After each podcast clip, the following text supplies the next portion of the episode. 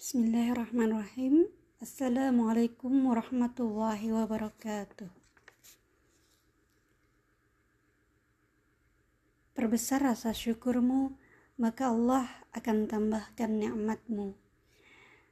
Setiap insan memiliki episodenya masing-masing. Episode hidup pun beragam. Ada yang mengisahkan suka, duka, lara, ceria, haru, pilu, sehat, sakit, dan banyak lagi tentunya. Hal itu pun saya rasakan. Dikala Allah hadirkan rasa sakit yang menghujam pada kepala, serasa beban bertonton menghimpit kepala. Bagi sebagian orang, sakit yang demikian adalah musibah tapi tidak buat saya. Saya merasa sakit tersebut justru sebagai bentuk sayangnya Allah. Sebab banyak nikmat yang didapat saat sakit. Saya jadi bermuhasabah diri. Ternyata di antara nikmat yang Allah selipkan di kala sakit adalah pertama, pertanda manusia itu lemah karena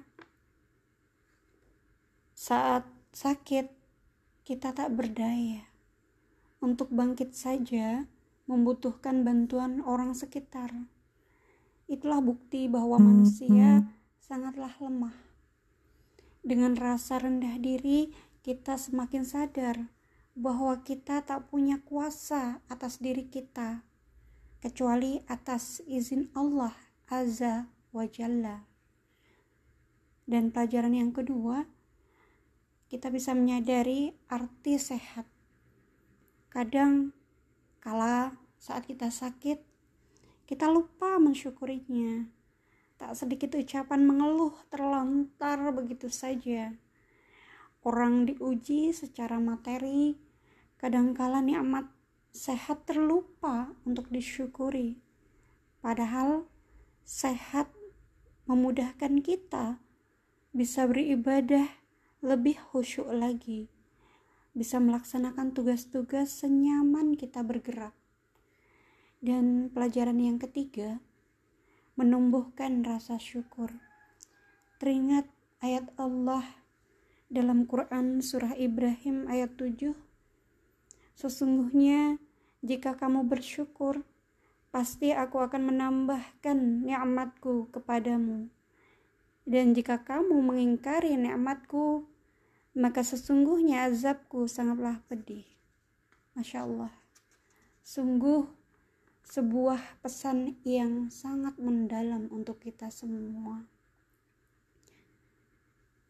Sehingga patut kita syukuri bagaimana nikmat sehat yang telah diberikan itu sungguh luar biasa. Demikian hikmah yang bisa dipetik dari nikmat sakit yang saya rasakan. Saya Siti Nur Hikmah undur diri dari ruang dengar Anda.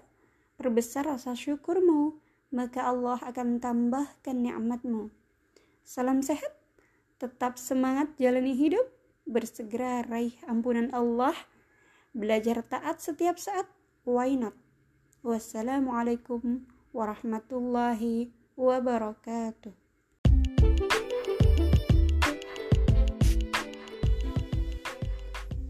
Bismillahirrahmanirrahim. Assalamualaikum warahmatullahi wabarakatuh. Alhamdulillah jumpa lagi dengan saya Siti Nur Hikmah dari Palangkaraya Di acara motivasi dan inspirasi. Kali ini obrolan kita seputar tiga jurus sukses apa kabar sobat sekalian? Di sana semoga baik-baik saja, sehat selalu dan Allah limpahkan keberkahan baik itu rezeki sehat, rezeki berupa anak yang soleh, rezeki kemudahan-kemudahan urusan lainnya. Masya Allah, amin, amin ya robbal alamin. Tentunya saat kita ngobrolin tentang jurus ya istilah jurus ini identik dengan dunia persilatan bukan? Di mana setiap pendekar biasanya memiliki jurus andalan dalam menaklukkan lawannya.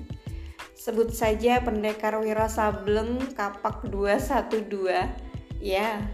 Bagi kawan-kawan yang hidup di era tahun 80-an di masa saya waktu itu masih berseragam merah putih ya atau duduk di bangku SD Masya Allah kala itu suka banget dengan film itu ya. Jadi si Wiro Sableng itu memiliki jurus andalan di antaranya adalah pukulan matahari dan jurus kunyuk melempar buah Nah, pukulan matahari itu diketahui adalah jurus yang diwariskan langsung kepada Wiro oleh sang guru yaitu Sinto Gendeng. Jurus tersebut mengeluarkan sinar putih yang menyilaukan dan sangat panas. Ini menjadi salah satu jurus andalan dari si Wiro Sableng dan juga jurus yang lainnya. Namun, demikian juga dalam dunia persilatan ya setiap jurus memiliki andalan tadi yang diwariskan oleh gurunya, termasuk juga dalam hal kesuksesan. Apa nih hubungannya dengan dunia bisnis? Sobat yang ada di mana saja bagi kawan-kawan yang saat ini mungkin sedang terjun di dunia bisnis ya Ibaratnya dunia itu seperti persilatan, maka kita, para guru atau leader, itu adalah pendekar. Para pelaku bisnis itu adalah pendekar. Karena apa? Ya, sebagai guru, sudahkah kita mewariskan atau mengajarkan jurus andalan agar para pendekar atau murid-murid kita atau tim kita bisa kita bina atau sudahkah kita bina dengan persiapan tempur di dunia persilatan atau di medan laga dan tak kalah arang ya dan tak kalah arang saat menghadapi segala tantangan demi meraih kesuksesan. Nah, dalam dunia perbisnisan itu sebenarnya ada tiga jurus andalan. Di antaranya adalah pertama, attitude. Attitude itu artinya sikap atau perilaku seseorang dalam melakukan interaksi dengan orang lain, disertai kecenderungan untuk bertindak sesuai sikap tersebut. Hal penting yang sangat mempengaruhi attitude itu sendiri adalah mindset. Mindset kita sendiri. Apa pun yang dikatakan orang lain kepada kita tidaklah penting yang penting adalah apa yang kita katakan pada diri kita sendiri. Misalnya, saat orang lain ngomong yang membuat kita ragu, baik itu keluarga ataupun teman-teman yang lainnya. Katakanlah karena di sini posisi Hikmah sebagai leader yang memiliki tim atau mitra yang tersebar di beberapa pulau di Indonesia ya. Mereka biasanya menghadapi persoalan mana bisa sukses ya. Ini persoalannya adalah cibiran-cibiran ya. Cibiran-cibiran dari orang dekat mereka atau bahkan keluarga mereka bahkan kawan-kawan mereka. Mana bisa sukses dengan jualan turkis propolis lawang harganya aja mahal apa ada orang yang mau beli di pasaran udah banyak produk propolis yang bagus dan harganya lebih ekonomis. Nah, maka jurus attitude inilah yang siap kita keluarkan. Sikap kita tetap cool aja setelah dapat celahnya atau kesempatan, sampaikan bahwa di Kafah Planner kami punya mentor yang membimbing kami hingga sukses.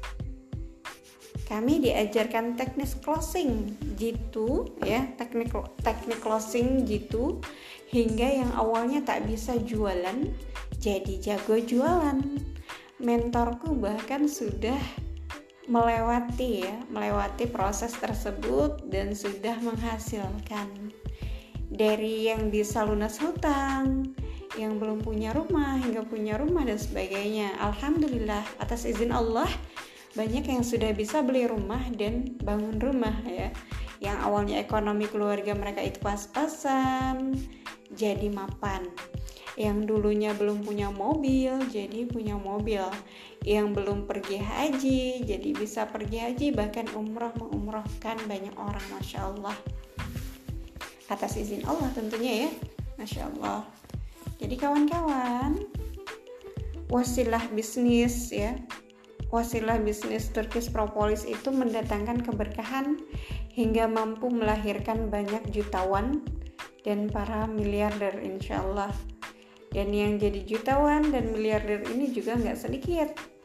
Sebab bisnis di Turkish Propolis ini lebih lebih mudah ketimbang kita jualan kuliner ya atau bisnis di bidang kuliner. Untuk ikhtiar bumi juga diajarkan, ikhtiar langit juga di, disampaikan. Jadi kalau kita udah ngobrolin tentang mahal sebenarnya mahal itu relatif ya. Kalau kita bandingkan harga Turkish propolis dengan pisang goreng ya jauh banget lah ya. Yang perlu diingat ada rupa ada harga loh. Turkish propolis ini memiliki keunggulan produk yang premium asli dari Turki dan diolah dengan teknologi tinggi yaitu teknologi nano Hasiatnya juga nggak KW-KW loh ya. Hasiatnya bisa dirasakan insya Allah. Satu botol ini bisa mengatasi beragam keluhan fisik dan juga non fisik atau non medis ya. Insya Allah dari aromanya saja juga khas ya. Hasiatnya insya Allah bisa dirasakan dan masih banyak lagi keunggulan lainnya. Salah satunya adalah sudah dikasih sentuhan terapi rukyah yang disunahkan oleh Rasulullah. Jadi biasanya hikmah tuh kayak gitu ya. Dalam membina para mitra, mitra-mitra bisnis saya, attitude ini adalah jurus yang penting agar mereka bermental baja. Nah, yang kedua itu adalah skill Skill atau keterampilan berasal dari kata terampil yang artinya itu cakap, mampu, dan cekatan. Dan menurut Iverson, keterampilan itu membutuhkan pelatihan dan kemampuan dasar yang dimiliki setiap orang agar dapat lebih membantu menghasilkan sesuatu yang lebih bernilai dengan lebih cepat. Jurus skill ini bisa diturunkan pada para mitra-mitra kita dengan seringnya kita memberikan latihan-latihan dasar seperti latihan menulis, latihan berbicara, dan latihan manajemen baik manajemen waktu maupun keuangan. Saya sendiri selaku leader mulai membuka kelas-kelas baik itu kelas belajar menulis dan yang lainnya. Sebab ilmu menulis itu ada ilmu yang mahal. Saking mahalnya untuk belajar nulis aja perlu merogoh kocek yang tak sedikit. Tapi saat kita mampu menulis, maka akan terjadi peningkatan kecerdasan kita dalam berbahasa, dalam memprospek calon mitra, lebih cakap saat membina mitra, lebih terbuka ide-ide dan strategi pemasarannya, dan yang lainnya. Jadi kawan-kawan, patut untuk kita ketahui skill dasar yang mesti kita miliki adalah di antaranya skill menulis, skill ber berbicara, dan juga skill jualan ya. Skill jualan bagi seorang pebisnis tentunya atau penawaran gitu ya. Karena apa? skill menulis ini mampu bikin orang cerdas tadi ya dan dia juga obat anti pikun. Masa pengusaha kok tiba-tiba pikun gitu ya jangan sampai gitu ya. Apalagi pengusaha Turkish Propolis Rukyah yang dia adalah suplemen premium yang mampu memperbaharui sel-sel tubuh ya sel-sel yang rusak di dalam tubuh kita. Apalagi Turkish Propolis brand yang memiliki kelebihan tambahan dari herbal pegagan yang dia mampu meningkatkan fungsi kerja otak sehingga dia insya Allah bisa membantu meningkatkan kecerdasan pada anak dan mencegah kepikunan pada orang dewasa termasuk juga masalah-masalah cedera di otak. Itu sangat bagus dan rekomendasi sekali untuk menggunakan TPR brand ya Turkish Propolis brand. Nah selain itu bagi kawan-kawan yang senang sering merasakan stres dan susah tidur itu juga rekomendasi banget nih untuk menggunakan Turkish Propolis Rukyah yang brand. Karena di situ selain ada tambahan pegagan juga ada tambahan saffron yang dia mengandung antidepresan. Jadi dia bersifat memberikan ketenangan untuk yang mengkonsumsinya. Ditambah lagi dengan sentuhan rukyah luar dalam deh dapat ketenangannya masya Allah ya. Jadi ketika kemudian kita paham ya skill berbicara kepada orang lain untuk menyampaikan informasi atau edukasi dengan baik maka orang akan mudah paham dan orang akan mudah percaya dengan kita. Bahkan akan mudah pula mentransfer membeli produk kita ya. Jadi seperti itu kawan. Skill yang mesti kita punya skill menulis skill berbicara dan skill penawaran atau skill jualan. Dan selanjutnya adalah skill skill oh, jurus apa nih? Jurus yang ketiga adalah knowledge. Knowledge atau pengetahuan adalah informasi yang diketahui atau disadari oleh seseorang. Satu jurus ini penting untuk diajarkan apalagi para pendekar pengusaha Turkish Propolis Rukyah. Jika ia tak mengetahui dan tidak memahami produk knowledge dari suatu produk ya.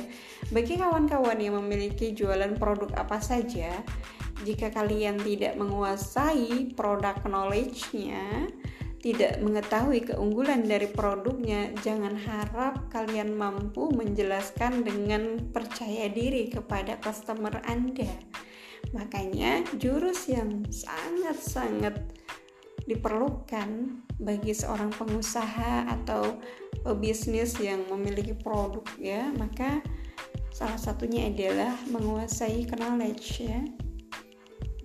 Bahkan bagi seorang pengusaha Turkish Propolis itu ya harus sampai paham betul keunggulannya. Dari sisi dia memiliki sentuhan rukyah rukyah itu yang kayak apa saja. Kemudian teknologi nano teknologi nano itu apa saja yang dia mampu memecah partikel dengan sangat kecil hingga seukuran DNA manusia ya. Tak sedikit para mitra akhirnya e, menyatakan mundur karena nggak paham apa yang dijualnya, apa keunggulan produknya, kenapa nggak laku-laku, kenapa nggak orang paham-paham juga dengan produk yang dipasarkan karena sang penjualnya saja nggak paham apa itu keunggulannya, gimana ber, mau berkembang, gimana mau melejit omsetnya, tentu jauh panggang dari api ya kawan-kawan. Makanya selain posting-posting itu kita juga mesti tekun belajar. Dari sisi ranah takdir yang bisa diikhtiari tentunya kita terus belajar. Masalah hasil ya udah pasrahkan aja sama Allah semata. Evaluasi diri pula sholat kita gimana sedekah kita gimana zuha kita gimana.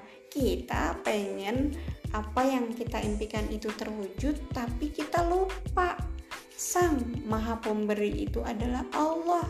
Kita lupa mendekatinya, padahal sejatinya harusnya kita lebih dulu mendekati Sang Pemilik dunia ini, Sang Pemilik keputusan ini yaitu Allah Rabbul Izzati.